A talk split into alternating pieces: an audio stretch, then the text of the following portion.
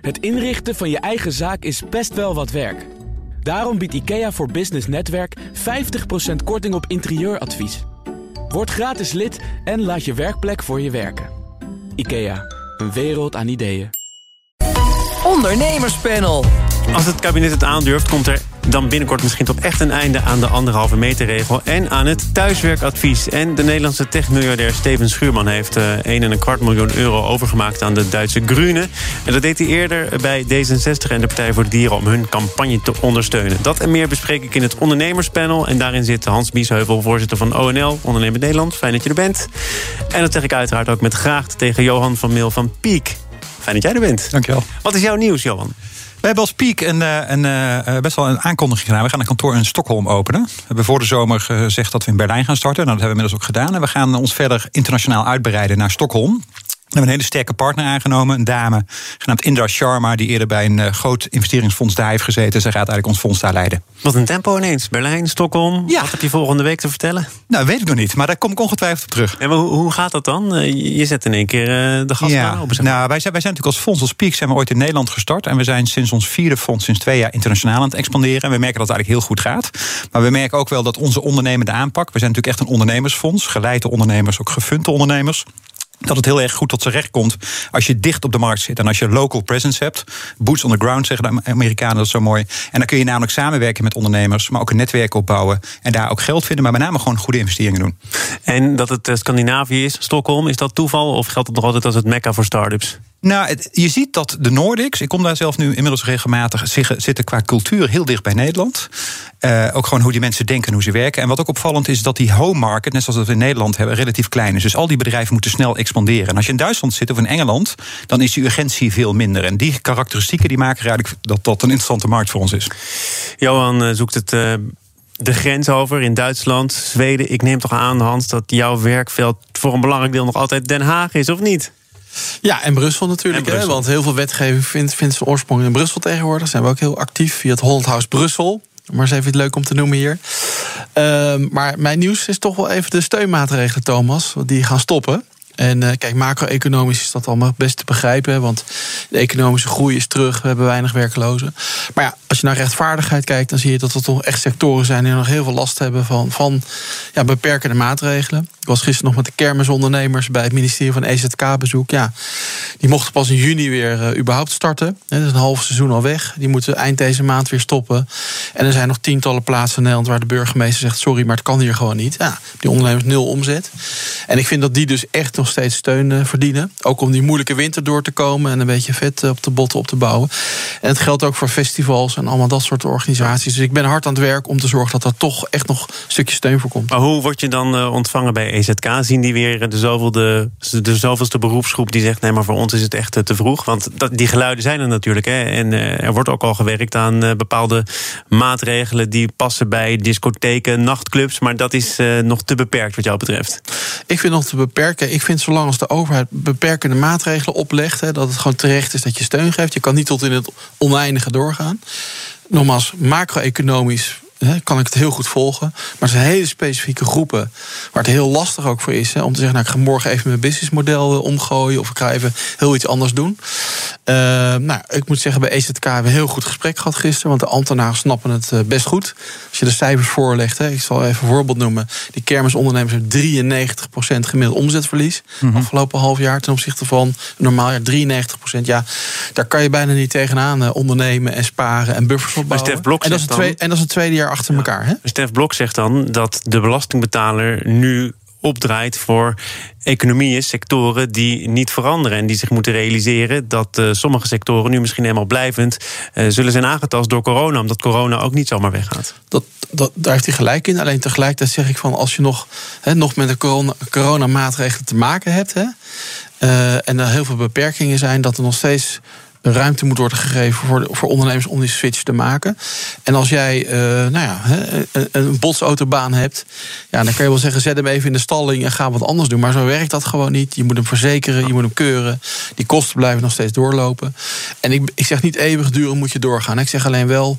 Zorg nou voor dat die ondernemers die nog last hebben, dat die nog op een nette manier de winter doorkomen. En voor de rest ben ik het dan allemaal met alle macro-economische beschouwingen eens. Maar dat zouden dan denk ik wel hele specifieke maatregelen toch zijn. Want van de andere kant merken wij met start-ups waarin we investeren dat de arbeidsmarkt natuurlijk echt enorm op slot zit momenteel. Dus een enorm tekort aan mensen. En zie je ook nog veel bedrijven geholpen worden die in traditionele sectoren willen, die gewoon blijvend veranderend zijn. Nee, maar ik praat echt heel over, specifiek over de nachtclubs. Ja. Ik praat over kermissen en, en bepaalde evenementenorganisaties. Mhm. De, we gaan nu de anderhalve meter loslaten.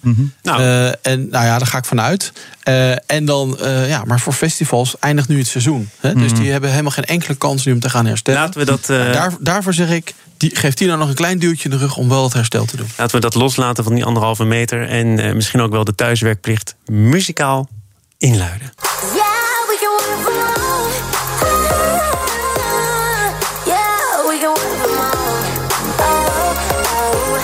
Ja, Johan, wie waren dit ook alweer? Een flauw idee. Fifth Harmony in 2016 met de hit Work From Home. Misschien wel niet meer, hè, want er komt de persconferentie aan. En Hans zei het al, er wordt verwacht dat er misschien toch ook wel wat gemorreld gaat worden... aan dat advies om thuis te werken. Op welke manier moet je daar als eh, bedrijf eh, op voorbereiden? Ja, ik denk dat we gewoon naar de nieuwe realiteit gaan, dat we daar middenin zitten. En dat dus de, we weer met z'n allen, dat zie je volgens mij ook op de weg, weer volop aan het werk gaan. Dat is één. Twee is dat we blijven. We hebben net uh, vorige week eh, aangekondigd dat we hebben geïnvesteerd in een bedrijf genaamd City. Wat het bij ondernemers mogelijk maakt om te combineren van thuiswerken en, en op kantoor en op uh, andere plekken. Ja, het zou voor jullie investering toch wel jammer zijn als iedereen echt weer op kantoor gaat werken, begrijp Nou, dat niet. Wat, wij, wat, wat, dat betreft maakt het niet uit waar je werkt, maar het levert juist de ondernemer een oplossing om inderdaad flexibel meetingruimtes te boeken, et cetera. Maar ik denk nu dat je nu naar die nieuwe realiteit toe gaat. En ik denk dat het goed is. Volgens mij moeten we de periode uh, even COVID achter ons laten en ook weer goed naar de toekomst kijken. En daarmee denk ik dat die anderhalve meter. Ik ben zelf nu een event aan het organiseren. Nou, ik kan je voorstellen Hans weet daar denk ik alles van. Vanuit de, zijn eh, achtergrond. Een event organiseren met anderhalve meter is echt een drama. En is denk ik ook niet meer echt nodig. Nee, nee maar volgens mij, kijk, ik bedoel, je kunt wel echt wel aannemen, die anderhalve meter gaat echt wel af. Want het is ook bijna niet meer. Hè? Je ziet ook bijna niet meer gehanteerd worden. Ja, tenzij je een evenement hebt. Maar dan moet het. Wel, uh, ja. hè? Dus ik denk dat die anderhalve meter eraf gaat. En ik denk dat gewoon op, ja, op heel veel werksituaties gewoon een nieuwe, nieuw evenwicht gaat. Hè? Wij hebben bij ONL ja, drie dagen op kantoor, twee dagen thuis. Hè? Dat is het gemiddelde wat je veel hoort. Mhm. Maar er zijn natuurlijk ook hele nieuwe concepten nu. Hè? Dat mensen weliswaar niet thuis werken, maar dan ergens wel in het land kunnen ergens hun. Hè? Computer kunnen inloggen en gewoon daar weer kunnen werken. Dat ze niet helemaal geïsoleerd thuis wat zitten. Maar ook niet per se elke dag naar het kantoor. Ja. maar wat uh, gebeurt er als de, de, baas dat toch nog wel als eh, de beste optie ziet? Hè? Je meldt je maar, je werkt hier ook, we hebben dat kantoor. Mhm. En de medewerker zegt, nou, ik ben eigenlijk wel gewend aan het thuiswerken. Ik ben zelfs productiever thuis. Dat kan tot spanningen leiden natuurlijk. Ja, maar kijk, de meeste werkgevers zijn gewoon slim. Die gaan met de mensen dat samen oplossen. Het overgrote deel los je dat met elkaar gewoon op. Uh, ik hoor daar niet heel veel stress over. Het lastige is natuurlijk wel, kijk, wij kunnen ons werk over overal doen. In mhm. principe. Maar als je natuurlijk buschauffeur bent, of je bent uh, ja, zit in het onderwijs, of je moet aan een bed staan, ja, dat is, dat is ingewikkelder.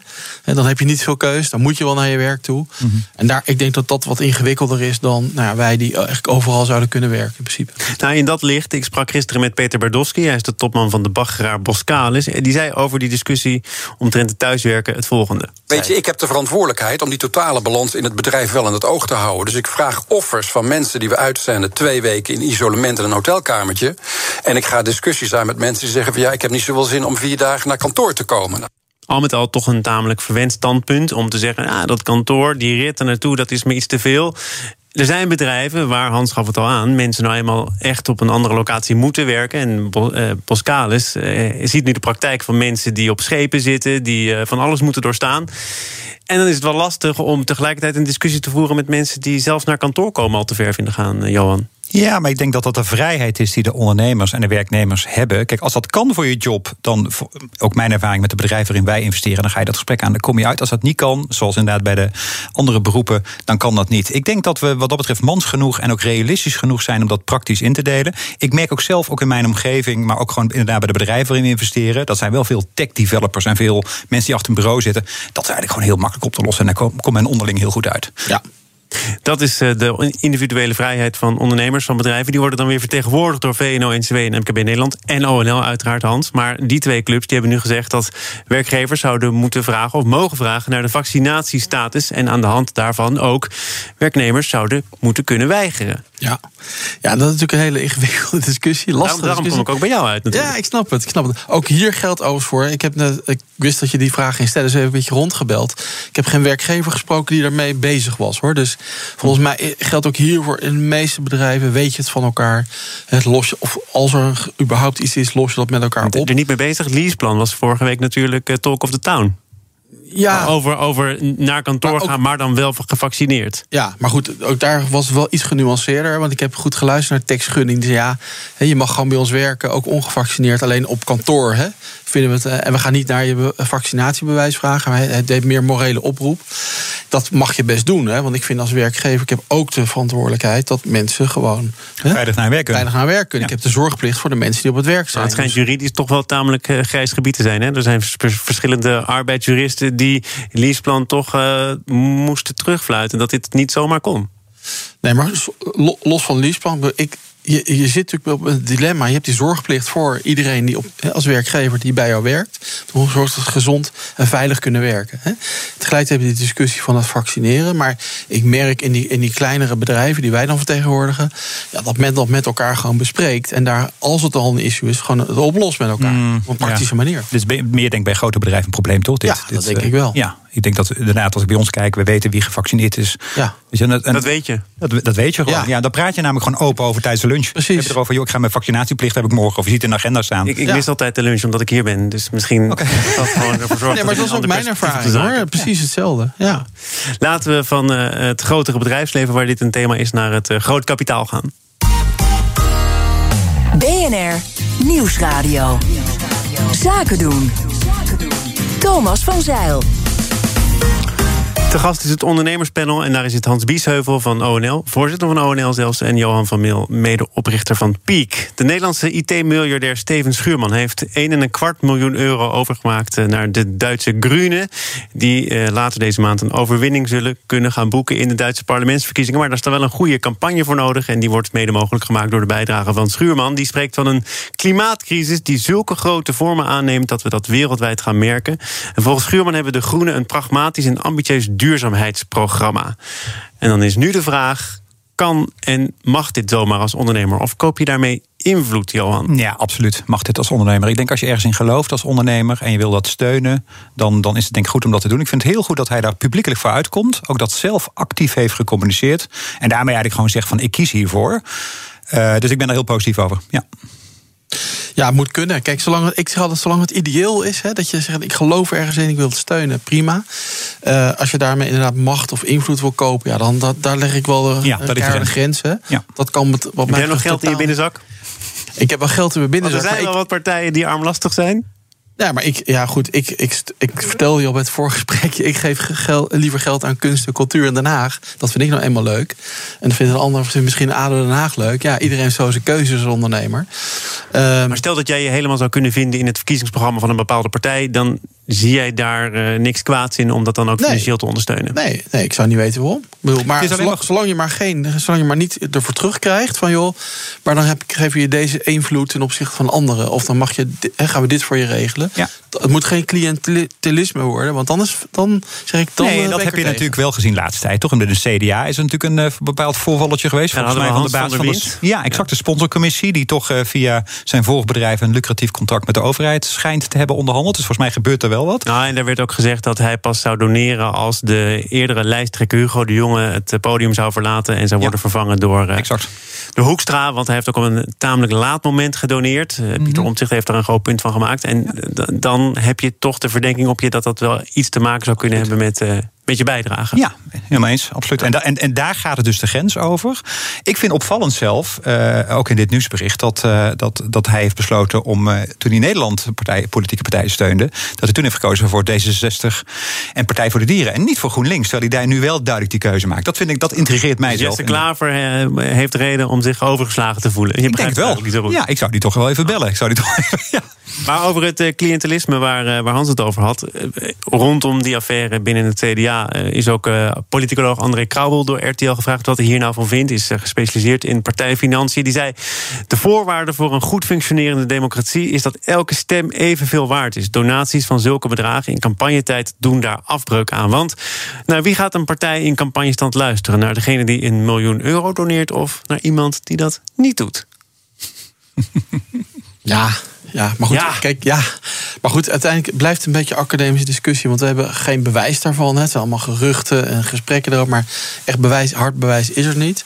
Ik denk dat het namelijk heel goed is wat jij net zei. Dat die ondernemer inderdaad hardop gezegd heeft... nou, ik heb een miljoen eh, geschonken. Kom er eerlijk vooruit. Ik geloof gewoon in de missie. Punt. Nou, niks Ja. mis mee. En als die politieke partij dan ook gewoon eerlijk over is... en er ook mee naar buiten komt... ja, zie ik er weinig kwaad in, eerlijk gezegd. Het is volgens mij een groter probleem bij partijen die ook in de Tweede Kamer zitten momenteel, die niet die transparantie hebben. Dat Precies. niet met de ledenstelsel. Dat is denk ik een groter probleem. Precies. Nou ja, het is natuurlijk makkelijk wijzen naar Amerika en naar Amerikaanse toestanden. Waar je ziet dat eh, bijvoorbeeld eh, je kansen om eh, de volgende president te worden toch aanzienlijk afhangen van hoeveel budget je hebt, hoeveel fondsen je hebt, of er nog rijke miljardairs je achter je scharen of niet. Eh, daarvan zou je kunnen zeggen dat is in Nederland toch niet wenselijk.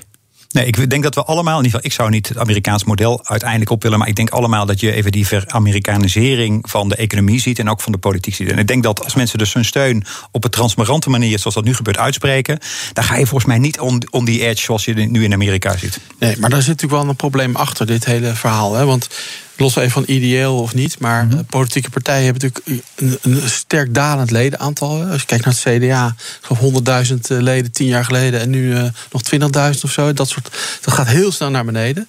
Dus die partijen moeten bijna wel hè, eh, extern geld aantrekken. Want anders kunnen ze überhaupt niet eens meer voorbestaan als organisatie. Dus dat is een achterliggend probleem eh, wat steeds meer op ons afkomt. En met de versnippering die nu gaande is, wordt het alleen maar ingewikkelder. En ik denk dat ook steeds meer gebeurt dat mensen die. Ik bedoel, ik denk, volgens mij zie je ook mensen die goede doelen continu ondersteunen. Dat neemt ook heel erg af. En je ziet veel meer dat dat projectbasis is. Of dat mensen zelf eigen initiatieven nemen. En ik denk dat dat in deze trend past. Dat iemand eigenlijk zegt van joh, ik geloof daarin. Ik sta erachter. Dus ik wil dat de persoonlijke titel, belangrijk, die donatie doen. Nou, zie je dat bij ondernemers wel dat ze zich eh, steeds meer gaan profileren in politieke of maatschappelijke debatten? eh, Waar misschien voorheen werd gedacht: nou ja, ik ben ondernemer, ik eh, ben niet echt ergens voor, ik ben niet echt ergens tegen. Maar dat die stroom er een beetje vanaf gaat. Ja, maar dat, dat, ik denk dat dat ook gevolg van toch een complexe samenleving. We hebben heel veel complexe problemen.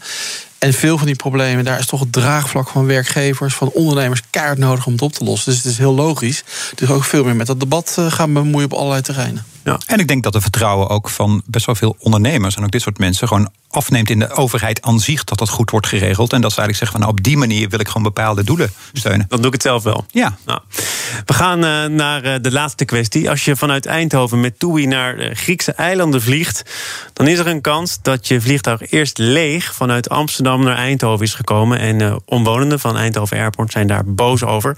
Het schijnt een logistieke reden te hebben, want de meeste TUI-vluchten vertrekken en komen aan vanaf Schiphol. Daar staan ook de toestellen gestationeerd. En een vliegtuig op Eindhoven stallen, dat is niet rendabel als er maar een paar keer per week gebruik van wordt gemaakt. Dus een leeg. Ja, ik zie dat jij er ook nog even aan moet wennen dat dit gebeurt. Lege vliegtuigen tussen Amsterdam en Eindhoven en vice versa. Is dat nog te verklaren in deze tijd? Nou, eerlijk, de verklaring heb ik net gegeven. de verklaring heb je gegeven. Ik ben er eerlijk gezegd heel erg verbaasd over dat dit gebeurt. Ja. Het klinkt inefficiënt, moet ik zeggen. Maar Ja, nee, maar het is dus met name ook dat die omwonenden eh, daar boos over zijn. Want geluidshinder, maar toch ook zeker in het licht van wat ook op deze plaats eh, vaak besproken wordt. eh, Klimaat, de doelen die we allemaal nastreven. Hoe kan het dan toch dat er lege vliegtuigen in de lucht hangen? Ja. Eh, want nu beweegt het vliegtuig zich naar de passagier en niet andersom. Eh, is het zo simpel? Moet het eigenlijk gewoon toch eh, de omgekeerde weg zijn? Dat lijkt mij wel. Ik ben er zelf nogmaals heel verbaasd over dat dit gebeurt. Ik denk dat we allemaal weten hoe belangrijk eh, de vliegbewegingen zijn om dat te gaan beperken en omdat we dat efficiënt gaan inrichten. Dus ik, ik, ik ik, had, ik heb altijd begrepen dat Lelystad Airport eigenlijk bedacht was als hè, concentratieplek voor al die vakantievluchten, zeg maar. Hè, en dat Schiphol veel meer voor nou, vrachtvervoer en zakenvervoer zou zijn. Dat lijkt me wel logisch, los wat ik van Lelystad vind. Maar dat je gewoon, zeg maar, wij spreken één vliegveld in Nederland waar je al die vakantievluchten concentreert. Hè. Ja. Moet je misschien de passagiers wat verder eh, reizen, maar dan beperk je wel dit soort gekke Ah, bewegingen. wel goed om Lelystad weer eens ter sprake te Nee. brengen. Want eh, Ja. gaat dat er ooit nog van komen? Ja, maar dat was, dat was wel een beetje bedacht, om min of meer, om, om daar al die, dit soort vluchtjes te concentreren. ja. Maar goed, ik, ik zie bij jou de verbazing, Johan. Is dit nou nog schadelijk voor wat men denkt van TUI of van Eindhoven Airport? Want ja, hier is niet echt een heel goed verhaal eh, van te maken. Nee, hier is helemaal geen goed verhaal van te maken. En ik denk dat het heel schadelijk is voor inderdaad imago, wat toch al niet heel erg positief is van de hele vliegmarkt, reismarkt, et cetera. Dan zal ik er toch nog proberen een positiever verhaal van te maken. Want Eindhoven Airport zegt wel dat omwille van de klimaatimpact... eh, vluchten naar dichtbijgelegen steden in Duitsland en België... überhaupt niet meer worden uitgevoerd. Dus ze zijn zich wel degelijk bewust van hun maatschappelijke opdracht. En dan tegelijkertijd gebeurt dit. Maar het is niet zo dat ze helemaal blind zijn voor kritiek en voor wat er maatschappelijk gezien moet gebeuren. En terecht toch? Ja, maar dan zou jij zeggen, dan die lege vliegtuigen, dan liever ook geen onderdeel van dit verhaal. Exact. Nou. Ja. Toei, uh, ja, ik ga toch proberen alle kanten van het verhaal te belichten. Zegt tegen het Eindhovens Dagblad dat uh, het om een nieuwe Boeing gaat, 737 MAX. Ook daar hebben we wel eens iets over gehoord. Maar dat die 15% minder brandstof verbruiken en 40% minder geluid maken. En ja, dat daarmee toch eigenlijk wel de belangrijkste problemen uit de weg zijn geholpen. Ja, maar weet je, dat vind ik een technisch verhaal. Hè? Maar het, het, beeld wat je ermee oproept, lijkt mij toch niet wenselijk, eerlijk gezegd. Uh, voelt voor mij heel ongemakkelijk aan. Vind jij niet, Johan? Ja. ja, over over uh, deze industrie gesproken, want dat gebeurt natuurlijk wel. Hè? Mensen gaan weer naar Griekenland. Ja. Is dit nou ook zo'n sector, Hans, waarvan je zegt... ja, daar hoort ook nog wel een, een, een noodsteunmaatregel bij? Bij internationaal toerisme? Ondernemers in die sector? Nou, kijk, dat vind ik moeilijk. Kijk, we hebben, we hebben kijk, de reis, je hebt het nu over toeën, maar je hebt in Nederland heel veel reisbureaus. Hè. Gewoon, eh, iedere dorp, iedere stad hebben een reisbureau. Ja, die hebben het nog steeds heel lastig. Hè. Die zitten gemiddeld ook maar op 30% van hun normale omzet. Hè, want we gaan niet op verre reizen. Hè. Nou ja, ticket naar, maar dat is toch een dying business model, dit gewoon? Dat is gewoon toch een... Ja, nee, dat is investeerder. Nee, die hebben het heel lastig. En, en ik denk dat dat niet zo makkelijk meer terugkomt. Hè. Die mhm. ondernemers zullen denk ik ook echt wel nu bezig zijn, neem ik aan, met het aanpassen van hun businessmodel. Dat kan bijna niet anders. Kijk, voor hele gespecialiseerde reizen blijft er volgens mij altijd een markt over. Mhm. Maar je ziet natuurlijk ook, ja, wie, wie gaat er nog een reisbureau met ticket naar eh, Ibiza te boeken? Niemand meer natuurlijk. Maar, maar als jij zegt dat het businessmodel is zo goed als dood, dan is dit dus een branche waarvan je zegt, die krijgen misschien door corona de nekslag. En dat, dat zij zo. Ja, dat zij zo. En ik denk dat dat is natuurlijk heel vervelend voor de mensen die involved zijn. Hè. Laat me, daar duidelijk over zijn. Maar het is wel heel terecht dat dit gebeurt. Want dit is eigenlijk een dinosaurus. Gewoon een branche die nog bestaat. Die nog volgens mij niet zo heel groot meer is. Maar die echt gewoon moet veranderen. En ik denk dat het goed is dat er nu door corona zo'n push komt. En ook dat de mensen die daar werken gewoon ergens anders employ vinden. Want de arbeidsmarkt is, zoals we weten, zwaar overspannen. Dus dat denk ik een hele nou goede ontwikkeling. Wordt daar, wordt daar makkelijk over gedacht. TPB zegt dit hè, al heel lang. Namelijk, uh, die sectoren zitten op slot. Het zou juist goed zijn als bedrijven gaan reorganiseren. Want er komt er personeel vrij voor andere sectoren. Ik, ik, vind wel, ik vind wel, ik, ik, sta wel voor alle ondernemers in Nederland dat ze wel fair, fair behandeld moeten worden. Mm Een faire kans moeten krijgen om een transitie te maken of te herstellen. Mm -hmm. Dat uh, zijn ook gewoon heel veel werkgevers. Het zijn heel veel gezinnen. Dus moeten we op een nette, hè, zou zeggen, op een Nederlandse manier. Hè, ja. Niet met de botte bel. Uh, maar je weet ook, Hans, van de andere kant, heel met je eens, maar je weet ook dat het aantal faillissementen is nog nooit zo laag geweest. Dus er zijn best wel wat even zombiebedrijven die nu bestaan, die anders ook out of business waren, toch? Is ook zo. Maar goed, ik ben wel, ik ben wel eerlijk gezegd, heb ik wel weer vertrouwen in heel veel ondernemers dat ze echt wel de, de inzicht hebben om te denken, ja jongens, ik kan eeuwig wel blijven hè, in het oude model blijven denken. Ik moet wel een mhm. keer. Vooral, ik zie dat dus de tucht van de markt hebben ze eigenlijk niet nodig, zeg jij daarmee? Nee, nou, een beetje tucht is altijd goed. Hè, maar ik zie wel heel veel ondernemers de mouw opstropen en denken, ja, ik kan eeuwig blijven zeuren. Ik moet nu misschien wel hè, gaan veranderen. Mhm. Ik kan een paar hele mooie voorbeelden geven van mensen. Zal ik hier niet vanavond doen, of vanmiddag doen. Maar er is echt wel uh, heel veel realiteitszin bij ondernemers hoor. Echt ja, absoluut. Ik moet jullie helaas ook gaan tuchtigen. Want het einde van dit panel is uh, in zicht. Hans Biesheuvel van ONL en Johan van Meel van Piek. Fijn dat jullie er waren.